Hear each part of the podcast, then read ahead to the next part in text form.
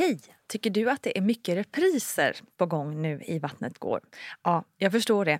Det beror helt enkelt på att jag, Nina Campioni, just nu har en pop-up second hand i Modgallerian i Stockholm. Så min tid räcker helt enkelt inte tid att göra så många avsnitt som jag hade önskat. Men tills jag är tillbaka på full tid, kom gärna och hälsa på mig i Modgallerian. Vi ses! Cool fact a crocodile can't stick out its tongue. Also, you can get health insurance for a month or just under a year in some states. United Healthcare short term insurance plans, underwritten by Golden Rule Insurance Company, offer flexible, budget friendly coverage for you. Learn more at uh1.com. Life is full of what ifs, some awesome, like what if AI could fold your laundry? And some, well, less awesome, like what if you have unexpected medical costs? United Healthcare can help get you covered with Health Protector Guard fixed indemnity insurance plans. They supplement your primary plan to help you manage out of pocket costs. No deductibles, no enrollment periods, and especially no more what ifs. Visit uh1.com to find the Health Protector Guard plan for you. Jewelry isn't a gift you give just once, it's a way to remind your loved one of a beautiful moment every time they see it. Blue Nile can help you find the gift that says how you feel and says it beautifully with expert guidance and a wide assortment of jewelry of the highest quality at the best price. Go to BlueNile.com and experience the convenience of shopping Blue Nile, the original online jeweler since 1999. That's BlueNile.com to find the perfect jewelry gift for any occasion. BlueNile.com. Hey Dave. Yeah, Randy. Since we founded Bombus, we've always said our socks, underwear, and t shirts are super soft. Any new ideas? Maybe sublimely soft. Or disgustingly cozy? Wait, what? I got it. Bombus. Absurdly comfortable essentials for yourself And for those facing homelessness. because one purchased equals one donated. Wow, did we just write an ad? Yes. Bombas. Big comfort for everyone. Go to bombas.com slash ACAST and use code ACAST for 20% off your first purchase. Hej, hej, hallå allihopa! Det är dags för ännu ett avsnitt av Barnet Går med mig, Nina Campioni. Och vi tänkte att vi skulle ta tillfället i akt för den här veckan är det ju stora Börja skolan-veckan. Så därför har jag ringt upp beteendevetaren och eh, Barnet Gårs egna expert Paulina Gunnardo. Hallå, Gun- Pa- Hallå Gunilla! Paulina heter du! Hej! Jättebra teman. Ja, eller hur? Både du och jag är ju väldigt engagerade i detta just nu eftersom våra egna barn är på väg in i skolan. Precis. Min dotter är, har sin andra hela skoldag idag. Ja, och min dotter började idag. Så att eh, det är spännande tider här nu och ska, snart ska vi gå och hämta både du och jag och få höra hur dagen har gått. Och eh, det kommer ju mycket frågor för oss själva men jag gissar att det är många där ute som också har eh, frågor och tankar, stora tankar och oro och allting kring det här med skolstarten. För helt plötsligt så blir ju världen mycket större, eller vad säger du Paulina? Ja, men visst, de byter ju verkligen miljö. Om från eh, tid i förskolan med mycket mer vuxna och sen plötsligt en stor skolgård och eh, det är färre vuxna. Barnen ska ta mycket mer ansvar själva. Och man släpper dem ju verkligen på ett nytt Verkligen. steg i livet. Så det är ju stort. Ja, det är verkligen stort. Och ännu större om det är barn som inte har varit i förskola alls. Så blir det ju ett jätte, jätte, eh, liksom, jättespännande gissar jag. Mm, verkligen. Ja, men I och med att skolan nu då drar igång så tänker jag Paulina att vi ska gå igenom lite frågeställningar och tankar som man kan få. Så vi drar igång tycker jag. För min egen del och många med mig så är man, ju lite, man får lite panik över att tiden går så snabbt och man oroar sig om ens barn verkligen är redo för den här stora utmaningen och så vidare. Kanske är det mer jag som inte är redo. Eh, Men vad säger du? I den här åldern, alltså sex eller fem, fem, sex år, är man lite redo för nya utmaningar gissar jag? Ja, men det är man ju. Alltså väldigt många, generellt sett, är väldigt färdiga med förskolan. Eh, och är riktigt redo för att börja förskoleklass eller ettan eller vad det nu är. Eh, men då kan man ju tänka så här också, om, redo betyder att man har allt liksom för att klara av något, ja, men då kanske man inte är redo. För det är ju ändå en ny miljö att vara i. Och helt nya utmaningar. Och de ska ju ta mer ansvar själva och så här. Och plötsligt sitta still mycket mer i ett klassrum ändå. Och lära sig grejer. Eh, Men om redo betyder att man har ändå tillräckligt för att klara av en utmaning, då utvecklas man ju av utmaningarna. Och då är ju de här barnen generellt sett i allra högsta grad redo för, för det här. Och, och, Man kan ju också tänka så här att eh, all utveckling sker ju när vi får en sån här lagom dos utmaning i relation till vad vi har förmåga att klara av. Och om man Mm. tänker sig en höghöjds, eh, vad heter det? höghöjdshoppare, heter det kanske inte, en höjdhoppare. Höjdhoppare. Eh, De utvecklas inte om de försöker hoppa, om de inte hoppar högre än vad de gjort innan. Om de kör samma höjd på pinnen år ut och år in, då kommer de ingenstans. Liksom. Och de kommer heller inte utvecklas så bra om de går från låt säga en meter eller vad man nu kan hoppa till att försöka slå ett världsrekord, kanske hoppa två och en halv meter. Eh, utan det. det. är alltid så här, lagom mycket eh, utmaning ger ju utveckling. Och här tänker jag att det svåra som förälder, det är att man alltid har ansvar för att göra bedömningen. Vad är mitt barn redo för? Och våga släppa sen. Vi har ju pratat om den här trygghetscirkeln förut. Att man liksom, Mm, barnet får utgå från en trygg bas och sen ska ju den sticka iväg på den här cirkeln. Och den ska ju ut och utforska sig själv, få dina kompisar, utforska världen. Och där måste man släppa barnet. Men visa Mm. att barnet kan komma tillbaka till en och liksom få den här tryggheten igen om, om det liksom händer någonting. Och, Mm. och just när det kommer till skolan så tänker jag att den är ändå utformad för vad barn generellt sett klarar i den här åldern. Så det tänker jag att är man pirrig som förälder så får man påminna sig om det. Att så här, det, här, det här har de flesta klarat av. Ja, och, och att skolan ska också anpassa sig till varje enskild individ också. Så liksom Mm. Består oron eller barnet uttrycker någonting så kan man ju alltid bolla med skolan. Eh, men absolut, de är redo för det här. Ja, men som du säger, där, liksom, som förälder kan man ju bolla med skolan. och så där. Men hur, liksom, hur, mycket ska man, hur mycket kan man lägga sig i som förälder? Ska man liksom släppa lite också? Eller? Vad tycker du? Ja, alltså där, det har ju väldigt mycket att göra med att, att någonstans göra den där svåra bedömningen. Vad klarar mitt barn Mm. av? Vad klarar inte mitt barn av? Och det är inte, vi har ju inget facit. Och ibland måste man testa Nej. sig fram. Och det är inte alltid lätt att ta rätt beslut. Och ibland kanske det inte blir bra och ibland blir det jättebra. Eh, så man, man måste ju, det är ju så. Vi har ingen facit, vi måste testa oss fram. Eh, och sen tänker jag att det beror också på liksom vad det handlar om om, eh, om ett barn blir retat eller om, om barnet är lite osäker på... Ja, men säg så här, min dotter eh, i morse nu, hon har ju ändå varit jättepepp på skolan men ville inte att jag skulle gå i morse. Då la jag ju mig i, liksom, vad ska man säga, jag utmanade inte henne och bara här, gå på skolgården, jag drar. Utan jag visade ju henne, vad kan du göra då? Om man känner så här? För det är normalt att vara lite pirrig eller så när det är mycket nytt. Vad gör vi då? Och då gick vi till fröken.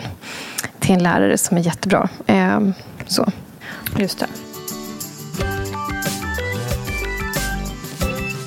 Sen tänker jag på det här med att vi, vi alla är ju olika och nu ska man också liksom barnen anpassa sig efter andras kompisar och andras kompisars föräldrars regler och så vidare. Eh, och jag har märkt nu kring lite kompisar som eh, har barn som går i skolan och där det är stora diskussioner kring vilka barn får gå till och från skolan själv och när man får telefon. Och, ja, men du vet, man jämför ju sig med varandra. Men just det här med att, liksom, ja, men till exempel, om vi tar det här med att gå från, till och från skolan själv. Förstås beror beror ju det såklart på hur långt man har till skolan och hur stora vägar det är emellan och så vidare. Och så vidare. Men hur ska man tänka kring det här med ansvarsbiten och liksom frihet för, alltså hur mycket ansvar och frihet kan man ge ett barn i, i, i liksom grundskolan? Jag tänker sju, ja, men sju till nioåringar kanske så här, i grundskolan. Mm. Hur mycket klarar de av? Liksom? Men precis som du säger så beror det ju så himla mycket på liksom vägen till och från skolan. Vilket beslut man kan ta för sitt barn. För sen kan det vara så att barnet har en kompis i en annan skola som, och den får minsann gå själv. Ja, men den kanske ska korsa en gångväg och gå över en gräsplätt och sen är den på skolan. Liksom. Och vi precis. bor ju så här, om, eh, ja, jag måste ju skjutsa till skolan och ska hon åka själv så är det en buss nere vid en 70-väg där folk kör 80-90 knyck och vi ska stå och vänta i ett dike. Det går liksom inte att jämföra. Nej. Eh, men jag tänker så här, på, om man tänker individnivå och generellt. Så på individnivå så får man hela tiden tänka att man backar upp där man märker att barnet inte är riktigt moget. Det har vi alltid gjort. Alltså när bebisen blir stor nog att den börjar krypa eller gå, då håller Mm. vi händerna och hjälper den och stöttar upp där. Och sen när barnet blir tillräckligt gammalt för att sitta och ösa sand i sandlådan, då backar Mm. vi upp i konflikthantering och sånt där. För då fattar inte de riktigt så att man ska dela med sig och hur man gör. Och sen börjar barnet skolan och då kan det ju vara att man backar upp omognad i form av Alltså hur man bygger också. Övergångsställen, trafikljus, breda trottoarer, en skolbuss med en förstående och klok chaufför och reflexer i mörkret. Eller liksom så här. Eh, och generellt sett med, med, eh, med barn i den här åldern så kan man väl säga Alltså det är nog egentligen inte förrän man är 9, 10, 11, 12 har jag läst någonstans på ntf.se. Jag kommer inte ihåg vad de heter. Det är någon trafik Ja, bra ja, ja. trafiksida. Och de säger i alla fall att det är någonstans där som man börjar kunna klara av vägar med, med trafik. För att innan det så har barnen i den här åldern ganska svårt att bedöma avstånd, hastighet på bilar. Man kanske har kass impulskontroll. Eller det har man ju när man är liten. Men, och, men där återigen på individnivå så kan man ju se att ja, men ett barn kanske har mognat jättemycket verbalt men har skitkass impulskontroll och står och studsar vid ett övergångsställe och glömmer trycka på knappen och går rakt ut i vägen. Ehm, Ja, nej men så generellt sett så har de svårt att bedöma avstånd, hastighet på en bil. När ska jag gå över? När ska jag vänta? Och tänka på liksom impulserna. Så. Nej, men jag tänker, ibland kan det verkligen vara så att man tycker att min dotter är så himla ansvarsfull. Det här, hon klarar sig och så och si och så. Men att man kanske inte riktigt har den kunskapen som faktiskt krävs för vissa saker. Även om man är världens mest ansvarsfulla och liksom vettiga lilla person. Liksom. Ja, men exakt. Så är det ju verkligen. Och det är ganska komplext alltså, att stå vid en väg och det kommer en bil. Och även för vuxna, om du tittar på typ rusningstrafiken i Stockholm city, då ser det ut som ett Eh. himla... Folk ska, som ska ut på ett maratonlopp. Alltså, jag tycker det ser så roligt ut. Det ser ut som att någon plötsligt ska skjuta med en sån här pistol och säga pang och så ska alla vuxna bara springa till jobbet. Men, eh, och där ser man ju också hur vuxna står och bara, okej, kan jag springa över nu eller ska jag vänta? Och så har man bråttom och så sticker man ändå och så tutar bilen. Exakt. Det är komplext för hjärnan att här, bedöma hastigheten, avståndet, hur fort hamnar bilen här, vad händer med mig, konsekvenstänk. Det har barn inte så gott om när de går på lågstadiet. Så man gör ju klokt i att ta det säkra före det osäkra när barn är i trafiken. Verkligen. Men det man kan göra ändå det är att öva på trafikvett med barnen. Alltså redan när de går i förskolan. Att man är ute och cyklar och går. ehm, och så. Och Sen kan man ju tänka om de jättegärna vill vill gå till skolan och har möjlighet att gå till skolan men man själv inte har tid kanske att gå varenda morgon så kan man göra någonting som heter vandrande skolbussar. Att man hjälps åt som föräldrar i ett Ja. område och tar Smart. någon morgon var och så får barnen gå. Och då kanske det är lite extra kul när det inte är ens egen förälder som följer med. Men exakt. så får man Verkligen. lite feeling av att man går själv. Ja. Bra idé. Ja. Överlag är det väl jättebra att man liksom hjälps åt över när man ändå bor i ett kvarter kanske med många olika barn och familjer. Man lär, Ja, lär känna visst. varandra bättre också i kvarteret. ja, det är trevligt.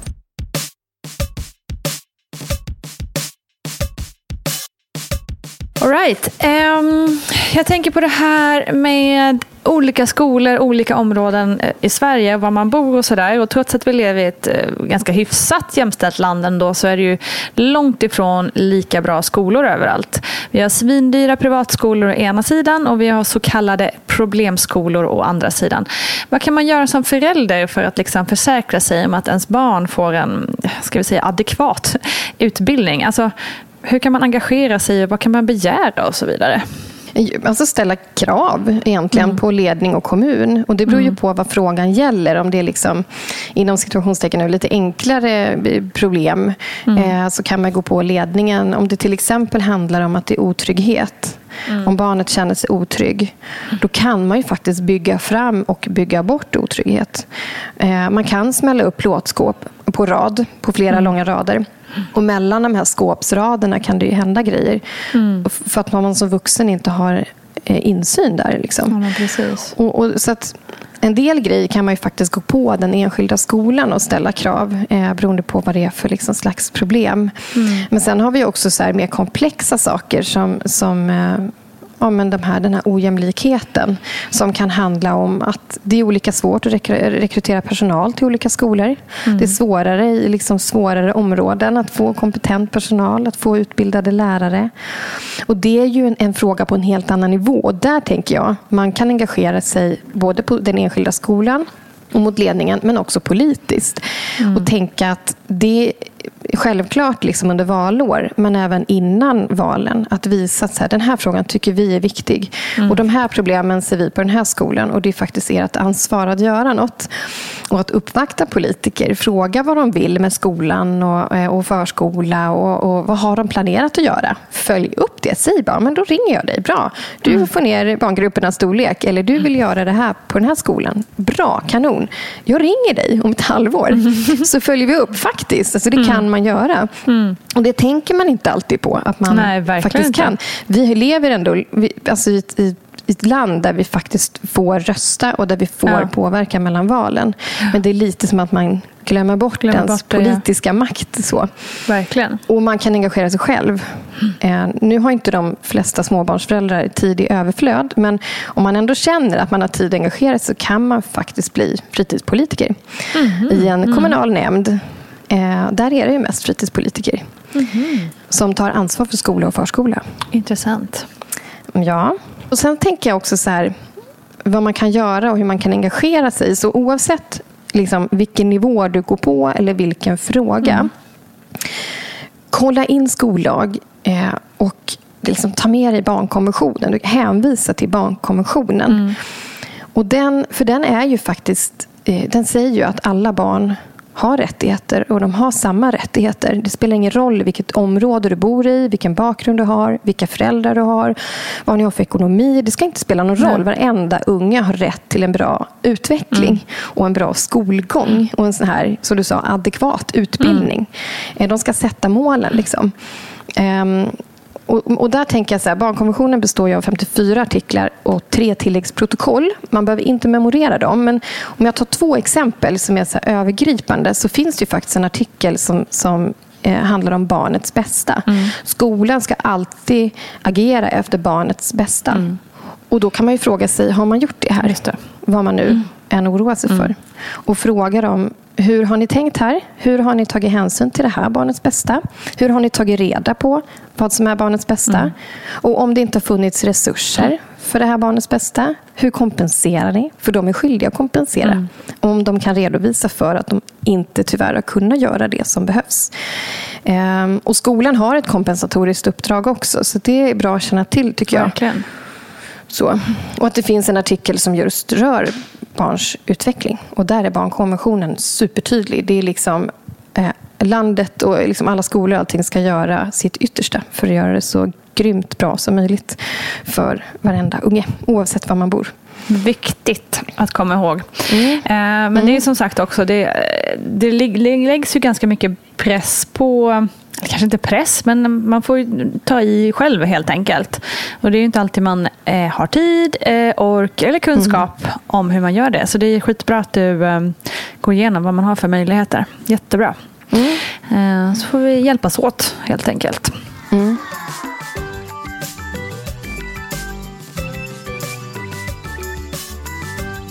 En annan sak som man ju ganska direkt börjar tänka på när det är så här skoldagstankar eh, och ens barn ska in i det här systemet är ju rädslor kring mobbing, bråk, elaka kompisar, utfrysning och sånt där.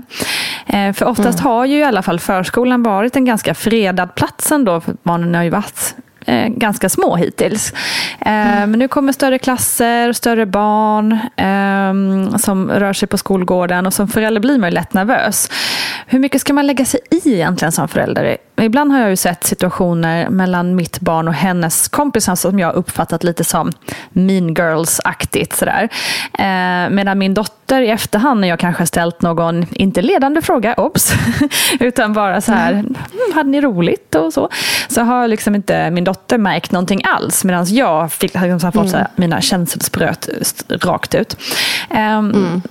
hur, ja, hur, mycket ska man, hur mycket ska man gå in och lägga sig i egentligen det här? Ja, alltså där tänker jag så här, man kan ha i, bland, bland sina vänner så kan man ju ha en jargong Mm.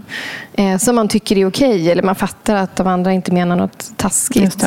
Och då kan man ju uppmärksamma ändå som vuxen på så här, ja men du om ni snackar så här med de där andra nya kompisarna, då kanske de tar illa upp eller illa vid sig. Liksom. Så tänk på det.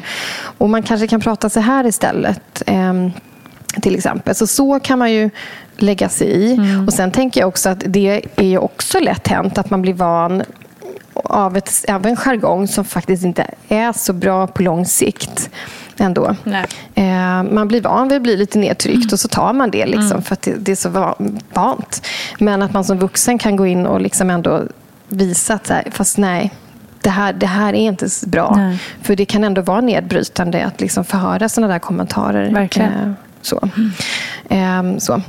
Och sen tänker jag så här, hur man ska få sina barn att berätta om de blir retade i skolan. Ja, alltså det är ju ja, men en av alla föräldrars värsta mardröm, tror jag. Att, att barn ska Verkligen. bli kränkta och retade. Det är ju hemskt. Ehm, jag tänker att man ska lägga sig i där man, där man märker att barnen behöver det och stötta upp där, precis som vi pratade om innan med liksom trafikfrågan. Men här är det mera den känslomässiga biten och hur vi pratar med varandra och hur vi respekterar varandra. Vad är respekt egentligen?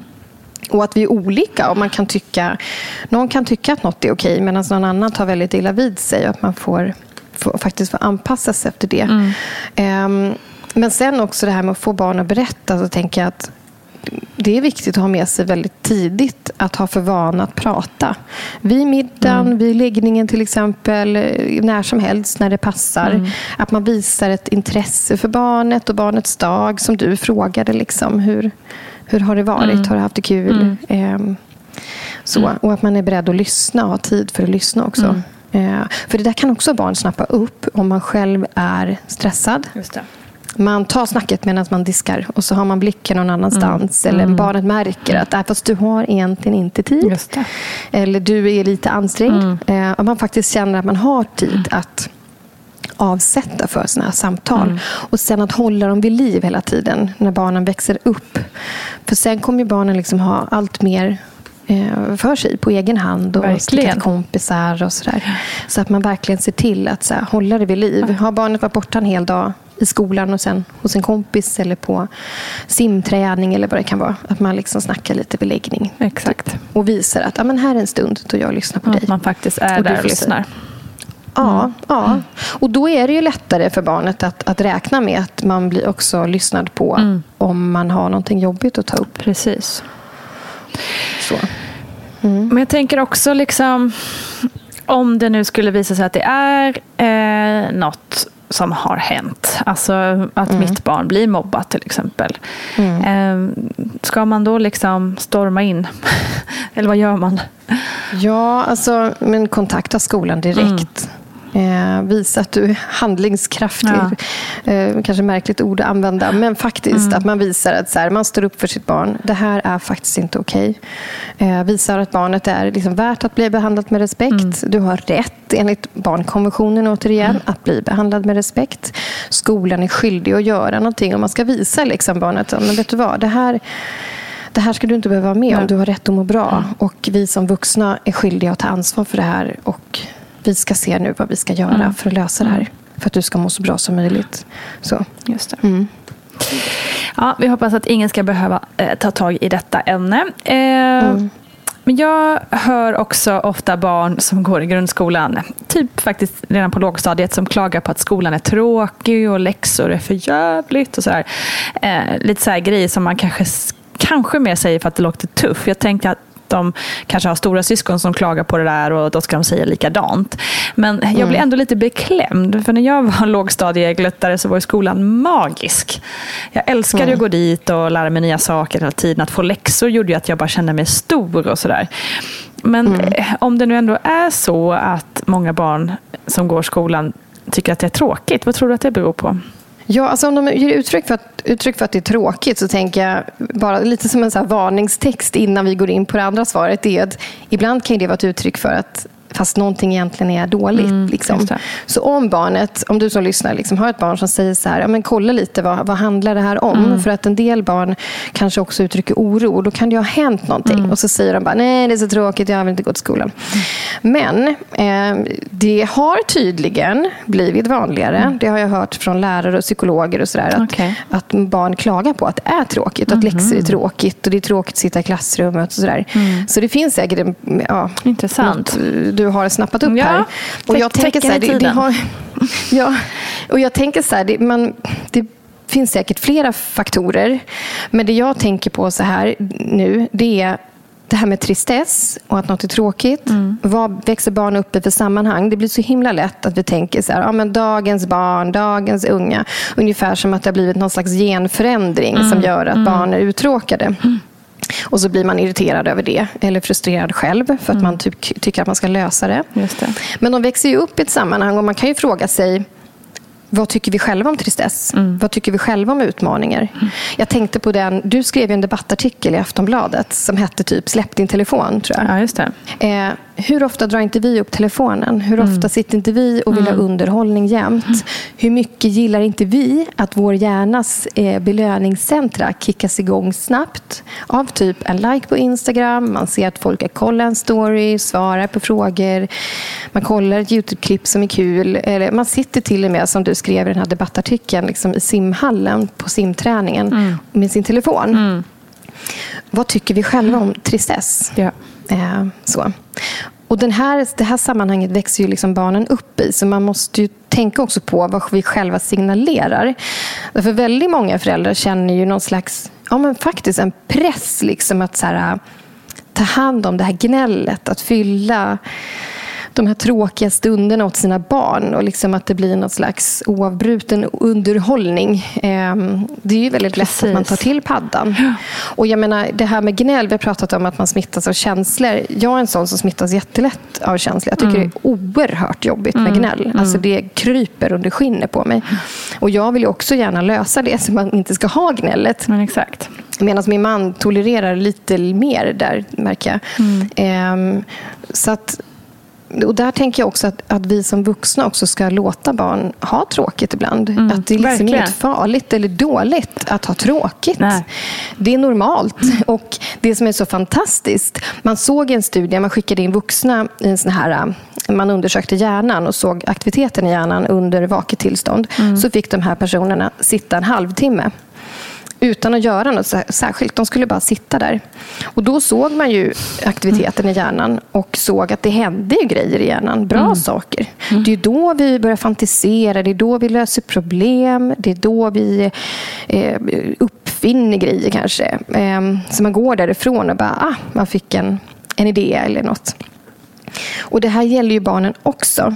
Men då måste man ju ha tagit sig igenom tristessen utan att ha löst det snabbt. Ja. Eh, och här tror jag faktiskt, det här med skärmar.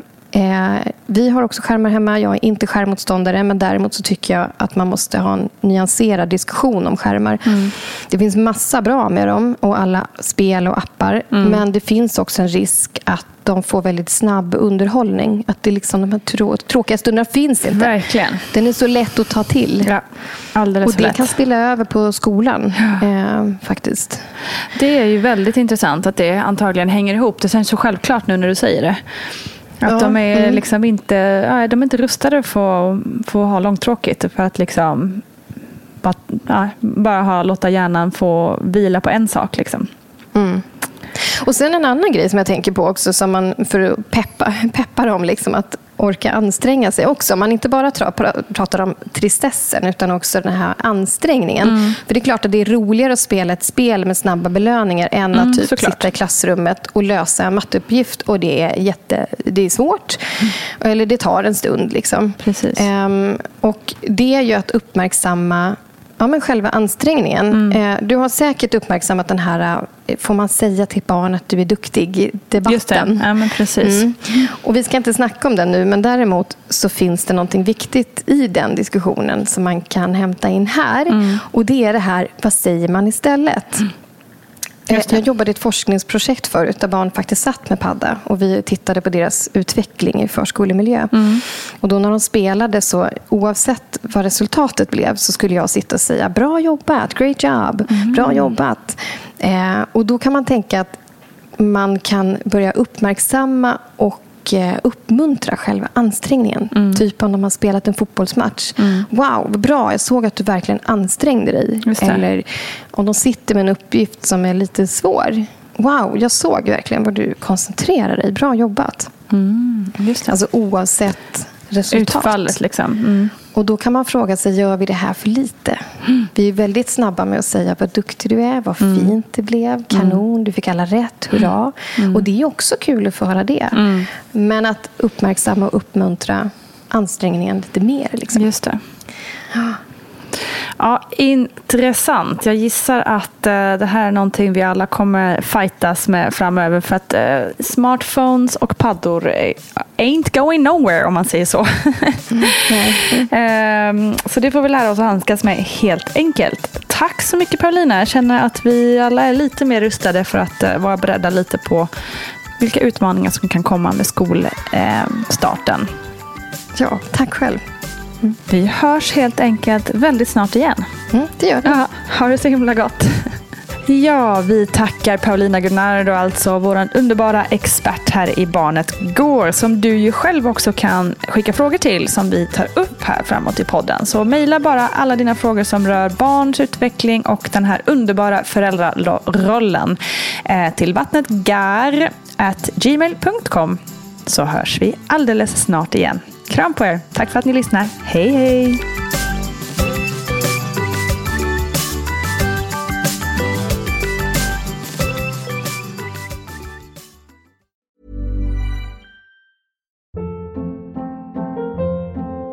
Hold up. What was that? Boring. No flavor. That was as bad as those leftovers you ate all week. Kiki Palmer here, and it's time to say hello to something fresh and guilt-free. Hello Fresh. Jazz up dinner with pecan-crusted chicken or garlic butter shrimp scampi. Now that's music to my mouth. Hello Fresh. Let's get this dinner party started. Discover all the delicious possibilities at hellofresh.com. Planning for your next trip? Elevate your travel style with Quince. Quince has all the jet-setting essentials you'll want for your next getaway, like European linen premium luggage options, buttery soft Italian leather bags, and so much more. And is all priced at 50 to 80% less than similar brands.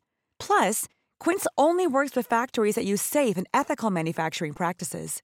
Pack your bags with high-quality essentials you'll be wearing for vacations to come with Quince. Go to quince.com/pack for free shipping and 365-day returns. Hi, I'm Daniel, founder of Pretty Litter. Did you know cats tend to hide symptoms of sickness and pain? I learned this the hard way after losing my cat, Gingy. So I created Pretty Litter, a health monitoring litter that helps detect early signs of illness by changing colors, saving you money and potentially your cat's life. Pretty Litter is veterinarian developed, and it's the easiest way to keep tabs on your fur baby's health right at home. Go to prettylitter.com and use code ACAST for 20% off your first order and a free cat toy. Terms and conditions apply. See site for details.